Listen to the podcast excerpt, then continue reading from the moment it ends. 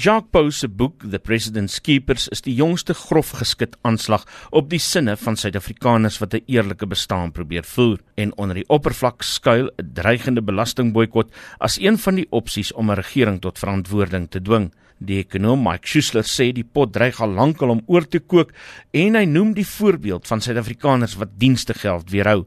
Hy sê tussen wanbetalers en weerhouers skuld Suid-Afrikaners 105 miljard rand vir krag praat jy van met 10 miljarde wat Sanral geskuld word oor die GFIB waarskynlik op die heilige stadium.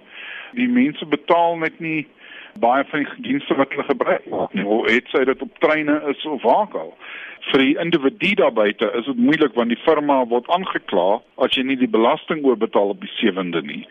Maar wat jy wel sal sien is dat mense hulle tweede inkomste waarskynlik baie minder gaan aanmeld. Met ander woorde uitverhuur van huise, werk op 'n vloeimark.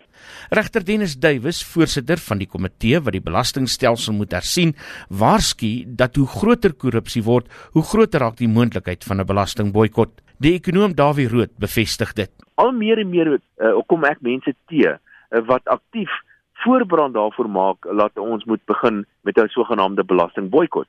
Ek dink dis 'n baie gevaarlike ding om te doen, want dit is miskien dis makliker om 'n belastingboikot te begin, maar dit is bitter moeilik om dit te stop. En die oomblik as ons met 'n belastingboikot begin, is ek bevrees gaan die land homself in werklik baie baie diep finansiële probleme bevind. 'n Prokureur van Pretoria, Tian Joubert, sê Suid-Afrikaners moet versigtig wees in die lig van die risiko's. Daar's wettige en onwettige metodes om 'n belastingboikot deur te voer. 'n Wettig is waar jy jy, jy vat die vader se geld uit die land uit waar die wetgewing jou jou toelaat. Jy begin besighede oorsee, jy gaan werk oorsee. En die onwettige metodes is dan wat die menseregte manier op sin speel is, maar jy gaan dit beteken werknemers gaan pay en nie oorbetaal nie jy gaan stop om jou BTW oor te betaal. Jy gaan begin om belasting te ontduik, maar daai is onwettig. Intussen groei die verset daagliks en is daar op Facebook verskillende groepe wat 'n belastingboikot verkondig. Een van die groepe Tax Revolt SA het meer as 23000 lede.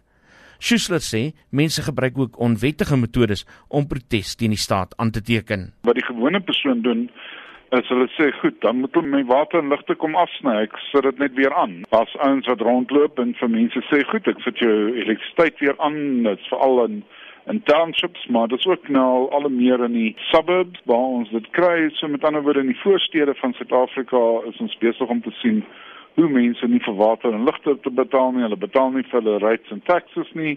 Die minister van Finansies, Malusi Gigaba, het die afgelope naweek gewaarsku dat die staat hard sal terugslaan in die geval van 'n belastingboikot.